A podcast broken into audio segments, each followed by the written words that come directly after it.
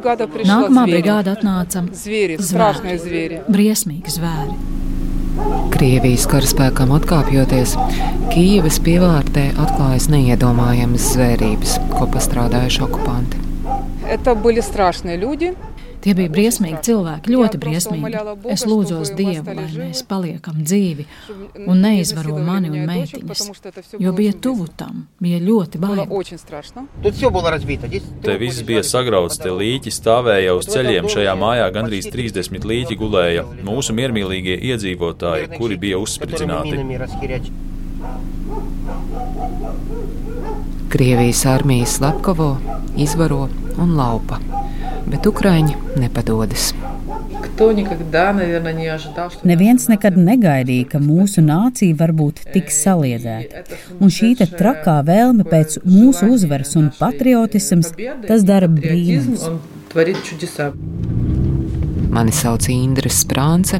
Kopš 24. februāra Ukrainā esmu pavadījis trīs nedēļas, un par pieredzēto Kīivas pievārtē un citviet Latvijas radio podkāstam dokumentārijas esmu izveidojis stāstu Karš Ukrainā.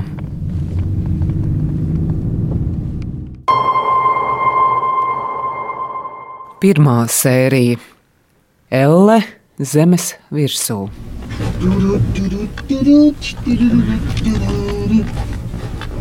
Когда вы еще под высоковольтными линиями проезжали, так, да? Kad jūs vēl zem augstsprieguma līnijām varat tā? Kopā ar brīvprātīgajiem Volodju un Vitāļiku pabraucam zem noraudzes augstsprieguma elektrolīnijas bučas privātmāja apkaimē. Elektrības vadi pārkārušies pāri ceļam, veido tādus kā vārtus. Volodja uzmanīgi izvada automašīnu cauri tiem. Nu, labi, ka nav elektrības. No tāda skatu punkta.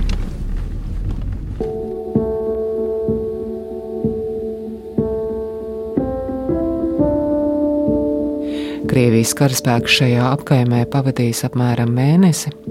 Atkāpies tas ir marta beigās, atstājot aiz sevis izpostītas mājas, mīnētas ielas un simtiem civiliedzīvotāju līķu. Iekļūšana Irpiņā, Bučā un Boradjankā aprīļa sākumā ir apgrūtināta.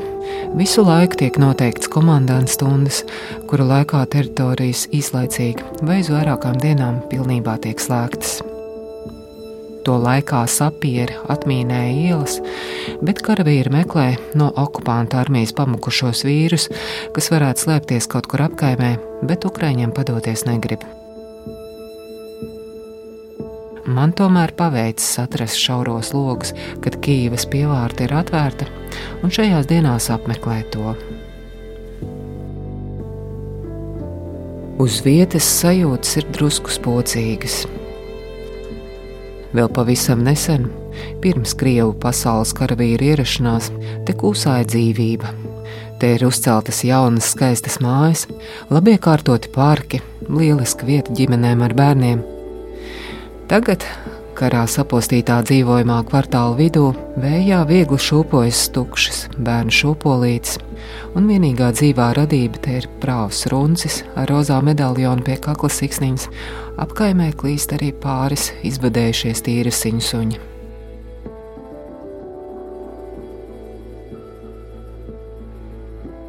Tomēr gluži vien arī nesmu.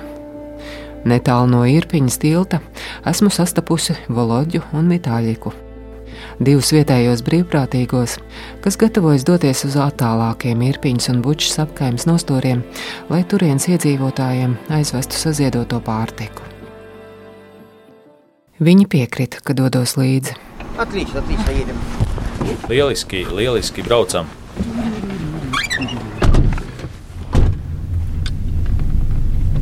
Beep, beep, beep, beep Ar automašīnas signālu brīvprātīgie mēģina pievērst apkārtējo cilvēku uzmanību. Добрый день! Кушать привезли, вареники готовы. Labdien! Ēst atvedām! Vareņķi gatavi! Gribat? Pīrādziņi! Neko nevajag? Kur vēl ir cilvēki? Varbūt kādam vajag? Volodja ir neliela auguma šiverīgs vīrs, vietējais no Irpiņas. Uz šejien ar ģimeni pārcēlies pirms pāris gadiem, kad bēga no Luhānskas. Tur Ukraiņi jau astoto gadu karo ar Krievijas atbalstītajiem separātistiem. Volodija stāsta, ka Luhānskā pieredzēto gan nevar salīdzināt ar to, kas pieredzēts Kīivas pievārtē. Ziniet, Luhānskā nebija elle. Luhānskā bija vienkārši slikti, elle bija šeit. Otro reizi mūžā pamest savas mājas, Volodja ar sievu nav gribējuši, tāpēc palikuši uz vietas Irpiņā, labi zinot, ko nozīmē karš. Braucam pa ielu, kur no ēkām gandrīz nekas vairs nav palicis pāri. Ir drupu kaudze un apdeguša automašīnu karkas pie tās. Ceļa malā asfaltā ieurbies nesprādzes lādiņš. Pie tā piestiprināta krāsaina lenta, lai kāds neuzbrauc virsū. Lūk, skatieties, te notika vissīvākās cīņas. Šo visu paveikuši mūsu biedri, atbrīvotāji. Ukraiņas aizstāvjiem Volodja nevar pievienoties, jo viņam ir astma, taču viņš atradas citu veidu, kā būt noderīgam. Viņš palīdzējis evakuēties no Irpiņas un apgājas citiem cilvēkiem. Jūs neticēsiet, bet šajā automašīnā ielien astoņi cilvēki. Kā tas iespējams? Volodijas auto ir neliels, mūžs nokalpojis Volkswagen. Kur jūs bagāžniekā? Arī bagāžniekā cilvēki sēdēja ar somām. Cik jūs izvedāt? Nu, vairāk par vienu. Ja jūs uz vienu izvedāt, tad jūs nezirāt. Ja vismaz vienu esi izvedis, jau velti nesi nodzīvojis dzīvi. Teikšu tā, no visiem, kurus es vedu, nevienu cilvēku mēs nepazaudējām pat tad, kad notika apšaudes. Visi mūsējie ir dzīvi un veseli. Katrs brauciens bijis izaicinājuma pilns. Vienīgais ceļš uz Kijivu ir caur pussagrautu tiltu pāri upītēm. Taču, lai nonāktu līdz tam, bija jāšķērso neliels ceļa posms, kas ved caur klaju apkaimi. Šī vieta ir labi pārredzama no attāluma, un Krievijas karaspēks šo posmu pastāvīgi apšaudīja. Bēgļiem nelīdzēja arī uzraksts bērni, ko daži bija pielīmējuši pie automašīnām. Tās vienalga caušautas.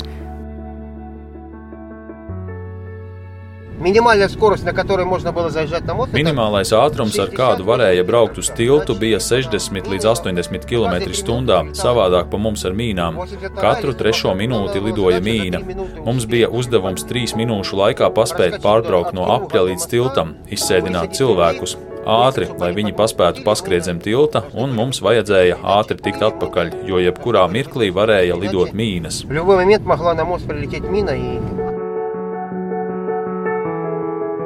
Vīri novērojuši, kurās stundās apšaude ir intensīvāka, kurās mazāk. Tajos laika posmos arī organizējuši izbraukums līdz tiltam. Valoģija novērojas, ka aktīvāk šāva stundās, kad izziņota cilvēku evakuācija. Tad nebrauca. Taču arī citur bija jāuzmanās. Te uz mani tanks šāva. Negribu izteikties. Kā tas notika? Ну, когда мы vывозили, у меня был адрес именно Kad mēs на- izvedām cilvēkus, mana adrese bija tieši šeit paņemt cilvēkus, bet te jau krievi stāvēja. Mūsu čaļi šajā mājā, te es izbraucu, te viss bija sagrauts, te līķi stāvēja uz ceļiem, šajā mājā gandrīz 30 līķi gulēja. Mūsu miermīlīgie iedzīvotāji, kuri bija мирных uzspridzināti.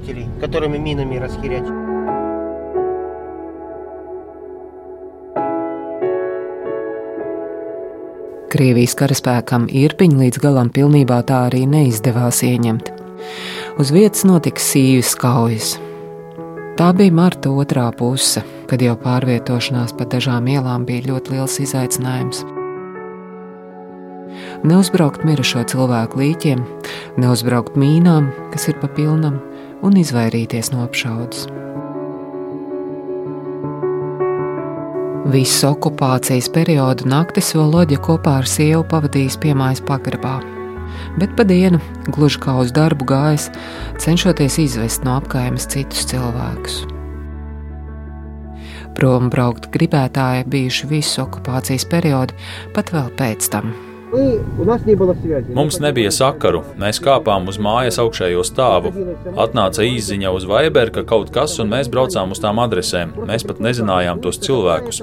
Vienkārši atnāca adrese, iela, tāda, māja, tāda, trīs cilvēkus. Bet patiesībā, kad atbrauc, tur stāv astoņi, deviņi cilvēki no kaimiņu mājām. Nu, mēģinam viņus šajās mašīnās sabāzt. Tur sunīši, tur kāds, kas saka, ka nebrauks, mēs viņu aiz rokām, kājām mašīnā. Cilvēki viņu tur, jo es nepametīšu. Tālūk bija. Ļoti, ļoti. Kā jūs to varējāt izturēt? Godīgi pateikt, dzērām katru dienu, bet to nesakiet. Sieva man par to sadod katru dienu, jo es vispār nedzeru. Tādi kā viņš, kas veduši ārā citus cilvēkus, kopumā bijuši astoņi. Divus nogalināja, seši palikām. Kad Krievijas karaspēks atkāpies, uz Kīivas pievārta sākus nākt palīdzība. Ieradušies arī liels skaits brīvprātīgo, kas dažādos veidos palīdz, un Volodja savu darbību pārorientējas. Tagad viņš cilvēkiem izvadā ēdienu, ko ļaudis Kīvā un citviet saziedojuši šīs apkaimes iedzīvotājiem.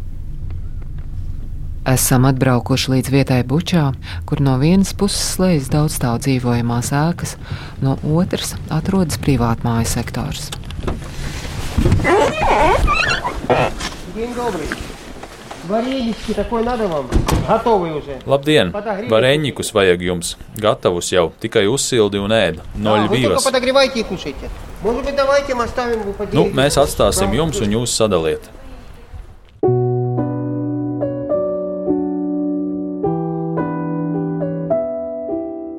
Uz ielas satiekam slaidu sievieti ap gadiem 40. Viņu sauc Inna. Pēc profesijas viņa ir angļu valodas skolotāja, un viņai ir trīs bērni. Kopā ar Innu uz ielas atrodas viņas vecākais dēls, pusauga puika, kas izstiepies jau garāks par mammu. Abi devušies iznest atkritumus, kad Volodju viņus uz ielas pamana un piedāvā vareņģus. Inna labprāt ņēma svareņķus. Kamēr Volodja to sagatavo līdzņemšanai, mēs aprunājamies. Mums bija interesanti. Mums nav pagraba. Kur tad jūs slēpāties? Mēs lūdzāmies. Visu Krievijas karaspēka okupācijas periodu Inna ar ģimeni pārlaidusi savā mājā. Pieredzējuši šausmīgas dienas arī brīžus, kad Krievijas karavīri nāk iekšā mājā. Tādas bijušas daudzas reizes. Dažādas bija brigādes. Pirmā brigāde bija. Man ievainoja kaimiņiene, lādiņš trāpīja viņas mājā, un viņai no rētas tecēja ārā asinis, gluži kā no krāna ūdens. Es panikā skrēju pie krieva. Es biju stresa stāvoklī, un pirmā doma bija, ka ka viņam ir jābūt līdzi kaut kam no aptieciņas un ka viņam man ir jāpalīdz. Viņu sauca eh, Šamils, un es viņam palūdzu aiztaisīt rētu. Mēs ar Šamilu kopā aizšuvām rētu. Vēl vairāk, bija ļoti patīkams cilvēks. Es esmu pateicīga Dievam par šo cilvēku. Viņš nāca pie manis reizes trīs, vēl arī ārstu atveda. Viņš bija labs cilvēks.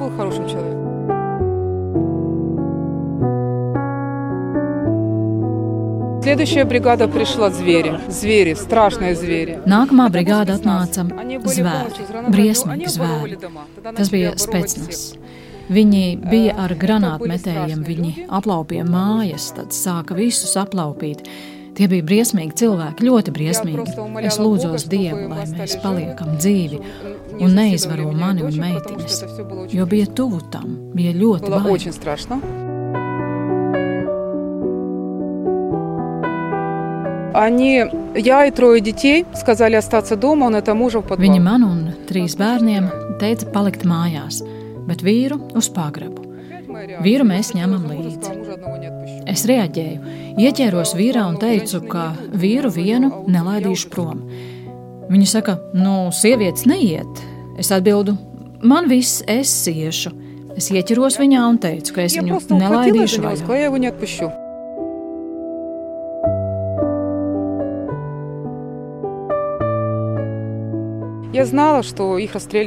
Es zināju, ka viņus tur nošauja, bet es esmu sieviete. Viņa apjuka, viņa teica, ka uzprasīs galvenajam, piezvanīja par rāciju kaut kam un teica, ka sieviete grib iet līdzi. Viņa apjuka un bija pārsteigta. Pēc tam mēs gājām līdzi vīram uz pagrabu. Viņu tur bija daudz, varbūt kādi astoņi, varbūt vairāk, bet es nesaskaitīju. Tur bija galdiņš, uz kura stāvēja dolāru kaudze. Tur sāka mūs pratināt. Pēc tam teica, lai mēs pārceļamies uz turieni, uz šo pagrabu. Bet es atteicos. Teicu, mēs šo māju neesam cēluši, un mēs te nedzīvosim. Viņš teica, un ko tu darīsi, kad tavā mājā trāpīs bumba un tavā acu priekšā sadedzinās tavu bērnu, sāka mani šantažēt ar maniem bērniem. Es atbildēju, neiešu un vīru savu neatlaidīšu. Es vienkārši nostājos priekšā savam vīram, nosedzu viņu un teicu, es pirmā, jebkurā gadījumā. Un viņi mūs nenošāva. Atstāja.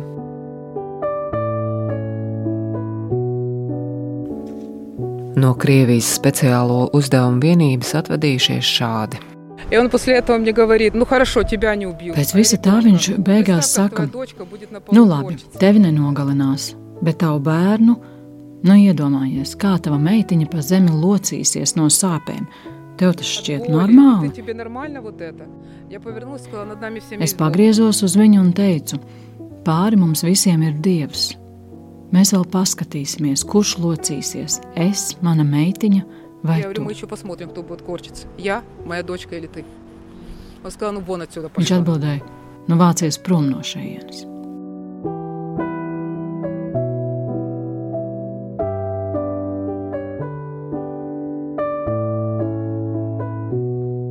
Laikam jau pieredzētās šausmas, vai mana sejas izteiksme to klausoties, liek Innai uz atvedām sirsnīgi apskaut mani, svešu cilvēku. Vienojamies, ka viss smagākais ir pāri.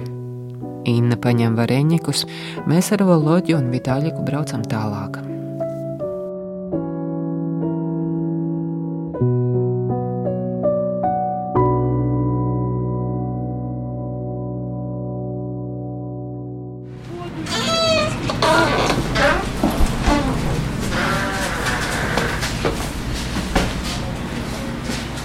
Добрый Labdien! Здравствуйте. А у вас а, ампицилин есть? Vai jums ampicilīns ir? Nav man. Антибиотика, девочки, у меня воспаление. Antibiotikas meitenīt, man ir plaušu karsonis laikam. Man jau trīs dienas, 39 un 4 un nekrīt. Mani uzrunā pensijas vecuma kundze. Viņa stādās priekšā kā nadzīja. Mēnesi pavadot pagrabā, esot sasirgus. Vai jums te nav kāda ārsta? Vai šeit neviens nebrauc? Какой доктор? Мы сами себе доктор. Kāds ārsts, mēs paši sev ārsti. Mēs 30 dienas esam nosēdējuši, kā to labāk pateikt, pagrabā nosēdējuši. Karā uzlidojumos cietis nadzīs mājas jumts, bet paši palikuši veseli.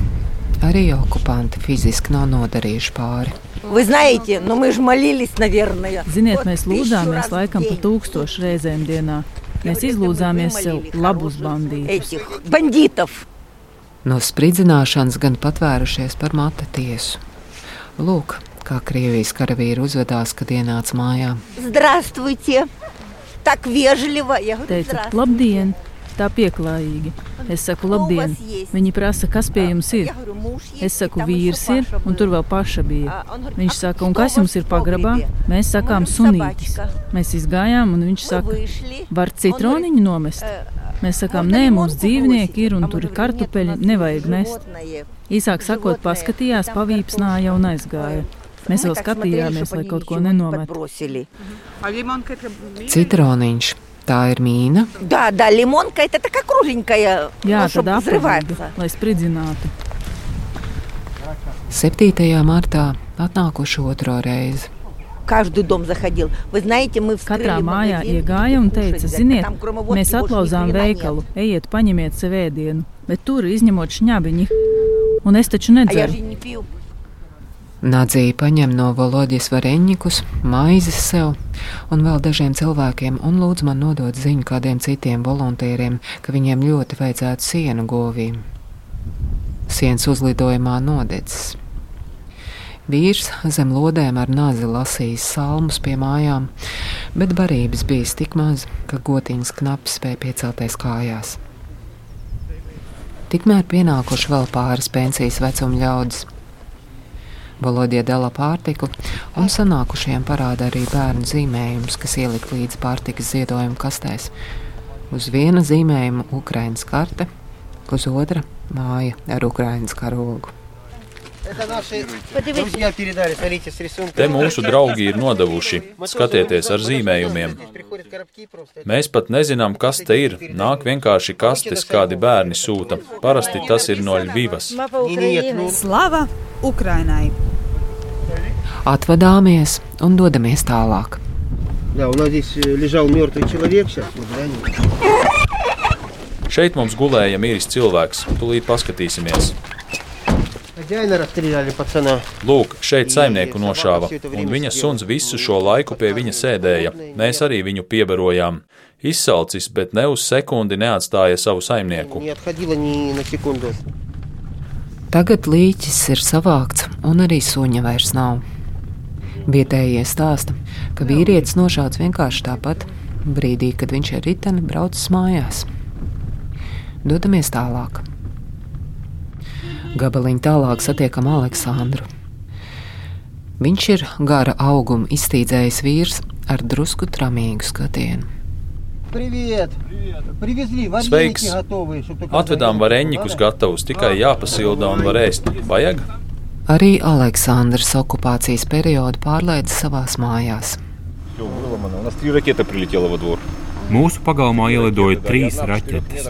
Viena nokrita četru metru attālumā. Mēs bijām aiz sienas, kā mēs nenosprāgām. Es nesaprotu. Vai cepumus gribi? Nē. Pie tējas. Nē, es saldu vispār nē. Salduma vietā Aleksandrs labprātāk vēlētos kādu stiprāku dzērienu, bet tā valodiem nav. Aleksandrs stāsta, ka okupanti bija apmetušies pavisam netālu, rada kaimiņu māju, kurā tie dzīvojuši. To apjož žoks. Viņi tur nakšņoja. Mēs joprojām gaidām atmīnētājus. Tur ir suņi. Es eju viņus barot, un es eju tikai tur, kur suņi staigā. Mājā viņi izlauza durvis un logus. Tā ir pārmāja divām ģimenēm. Mājā es negāju iekšā. Tā gan nebija vienīgā šīs apgājuma sēka, ko ieņēmuši Krievijas armijas pārstāvi. Šajā mājā viņi arī dzīvoja. Saimnieks izgāja noklēkties, krievu kuģi eņģi, un viņu nošāva. Viņa līķis tur ļoti ilgi stāvēja. Otrs atnāca, viņu arī nošāva. Viņi stāvēja te, te uz šīs stūra, viņiem bija pamata lokācijas vieta. Pēc Krievijas karaspēka aiziešanas abu Aleksandra pieminēto vīru mirstīgās atliekas ir aizvestas, taču visi šīs apgājuma līķi vēl nav savākti.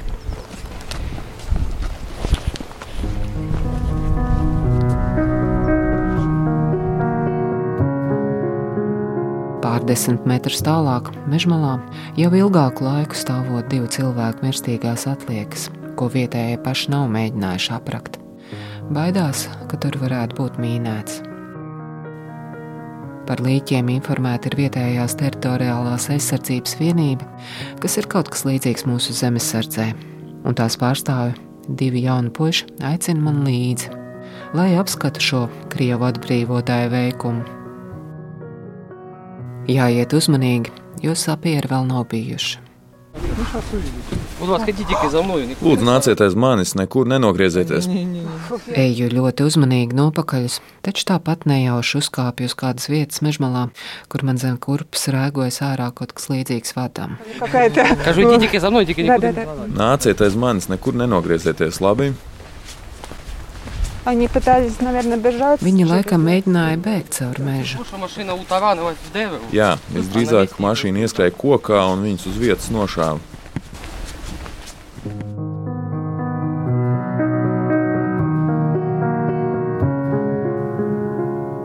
Pēdu pēdā, pa meža celiņu sekojot abiem, nonāk pie sudrabota džipa, kura korpuss izrēbināts lielākiem un mazākiem ložu caurumiem. Es nemaz nemēģinu saskaitīt, cik to ir. Varu vienīgi pateikt, ka šāvējiem lodes nebija žēl. To ir ļoti daudz. Auto aizmugurējais stikls pilnībā izsists, bet priekšējais klāts divu priekšā sēdošo vīriešu asinīm. Большинство, что это батька и сын. Потому что один человек молодой, второй стал. Visdrīzāk tas ir tēvs un dēls, jo viens ir jauns, otrs vecs. Pēc drēbēm spriežot, abi nošautie vīrieši ir civiliedzīvotāji, nevis kādi karotāji, kas cīnījušies pret okupantiem. Ķermeņi jau ir zilgani, puiši saka, ilgāku laiku stāvējuši. Jaunākais pie stūres sēdošais vīrietis saliecēs pāri simtgalvim. Vecā vīra pusē automašīnas durvis ir plaši atvērtas. Izskatās, ka viņi vēl ar pēdējiem elpas vilcieniem mēģinājuši aizmukt no šiem atbrīvotājiem.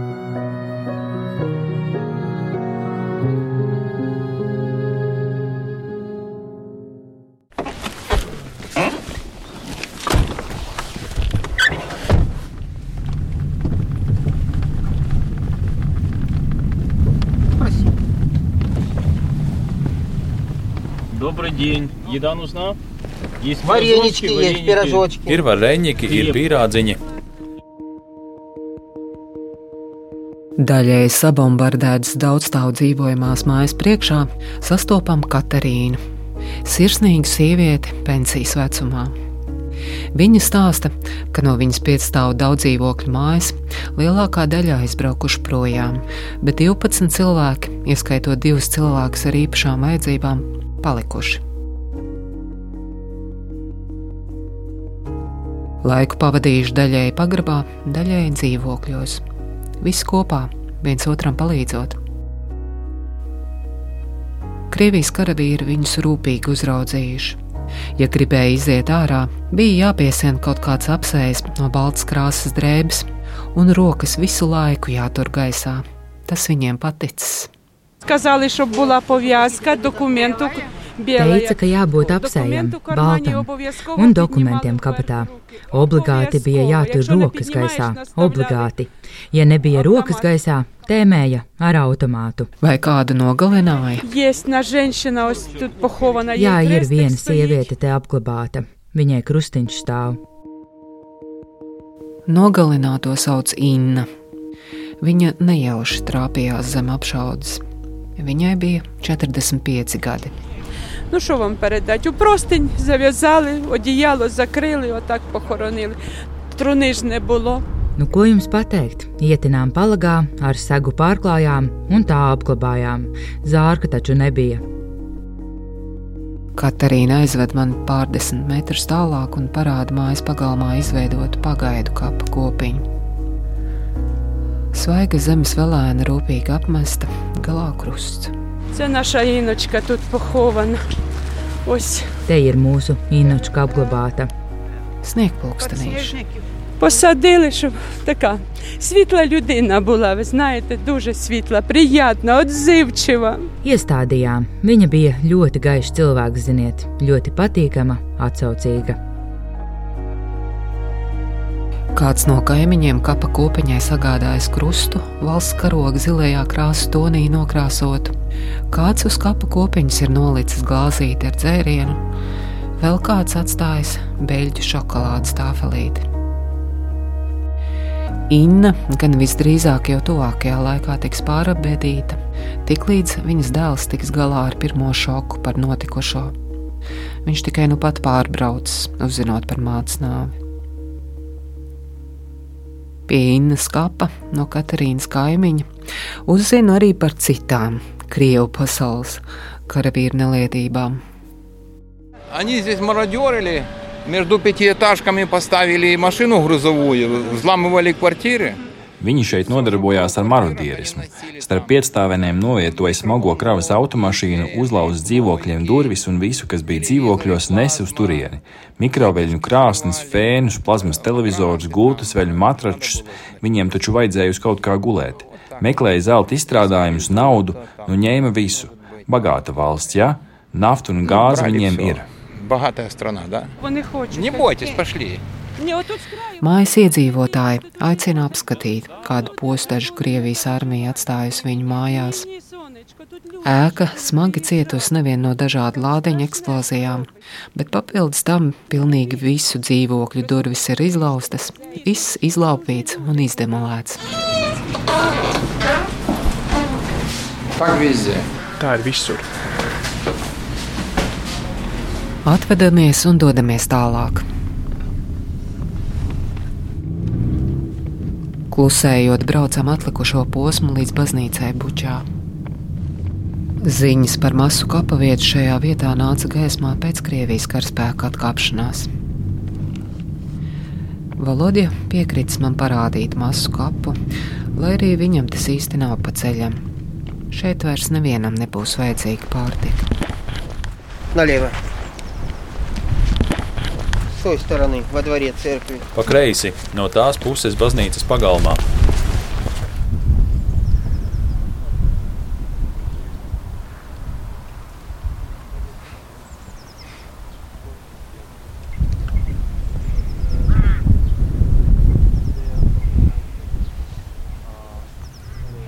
Saules pielietajā pagalmā, pie garas bedres ar fotoaparātiem, videokamerām un droniem darbojas pāris ārvalstu žurnālisti.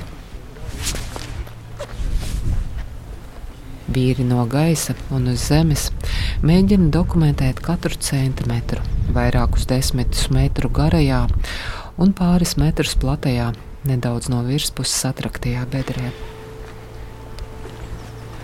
Augšpusē sakraut vairāk melna maisi. Tie ir aizvērti, un tikai pēc ķermeņa aprisēm var nojaust, ka tur iekšā ir cilvēki. Maisi ir sakrauti bedres augšpusē, zemāk, rūpīgāk ieskatoties sablietētajā zemē, rēgojas citu cilvēku pusaizbērts ķermeņa daļas. Atstatus redzamas divu dažādu vīriešu rokas. Cieši blakus vienai no rokām manām arī kāda vīrieša kāja, bet ķermeņa novietojums vedina domāt, ka tā pieder citam cilvēkam, nevis tam, kura roka vīd laukā. Gabaliņu nostāk, bedres vidū guļ koša rozā gumijas šķība. Tāda, kuru kāda būtu vilkus kājās, izējot kaut kur piemājas dārzā. Tikai tas nav dārzs. Они всех высыпали мертвых тракторами. Они не, зака... Они не как э, нацисты кидали за руки, за ноги. Viņi visus apraka ar traktoriem. Nevis kā nacisti, kas aiz rokām kājām meta, bet vienkārši atveda, izmeta kaudzē pie baznīcas un pēc tam ar traktoru apraka. To mums mācītājs pastāstīja. Ar traktoru aizveda un sasvieda kā kaut kādu parastu, nezinu, būvmateriālu izgāž bedrē, tā viņi sameta. Es negribu to teikt, bet cilvēki tur, kurš ar galvu pret zemi, kurš salauzts guļ, tas ir briesmīgi. Tas trausni. Tā Volodja zināja stāstīt mums vēl ceļā esot. Te uz vietas pie masu kapa ir kluss. Bedres galā stāv nodzisusi kapu secīte, bet saulē žilbinoši laistās blakus esošās pareizticīgo baznīcas zelta kupole. Tālumā ieķerts pakārdai vārnai, bet mans skatiens no jauna un jauna atgriežas pie vīrieša rokas bedrē. Tā rādītāja pirksts pavērsts uz priekšu, it kā gribētu teikt, lūk, skatieties, tāda ir tā krievu pasaule. Tieši tik bezvērtīga ir cilvēka dzīvība, kara noziedznieka Putina un viņa gļēvo pakalpiņu galvās.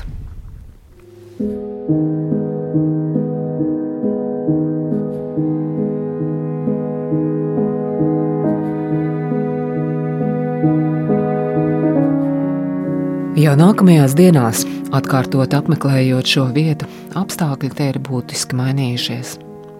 Pie baznīcas dežūrē vīri formas tērpos, masu kapavieta ir norobežota ar lentēm, tā vairs nevar piekļūt kā pirmajā dienā. Uz vietas darbojas kriminālistikas eksperti baltos tērpos. Cilvēku komanda atrok līķus, sapakotos tālākai nogādāšanai morgā un identificēšanai. Tagad te ir pilns ar žurnālistiem, kas kā mušas apsēduši vienīgo uz vietas esošo prokuratūras pārstāvu. Viņu sauc Ruslans Kravčenko. Lai aprunātos ar viņu, jāstāv rindā, bet uz daudziem jautājumiem tāpat vēl nav atbildes. Uz šo brīdi, cik līķus jūs šeit atradāt? Tur 74. Šeit 74.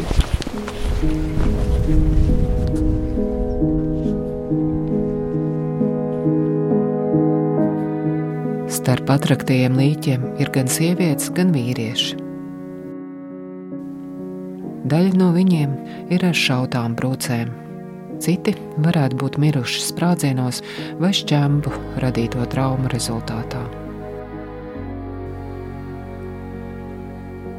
Māja sākumā Kīvas pievārtē identificēta 1202 civiliedzīvotāju līķi. Tie ir tie cilvēki, kuru mirstīgās atliekas ir atpazītas, bet kopumā kara pirmajos divos mēnešos Ukrainā nogalināto civiliedzīvotāju skaits ir daudz lielāks.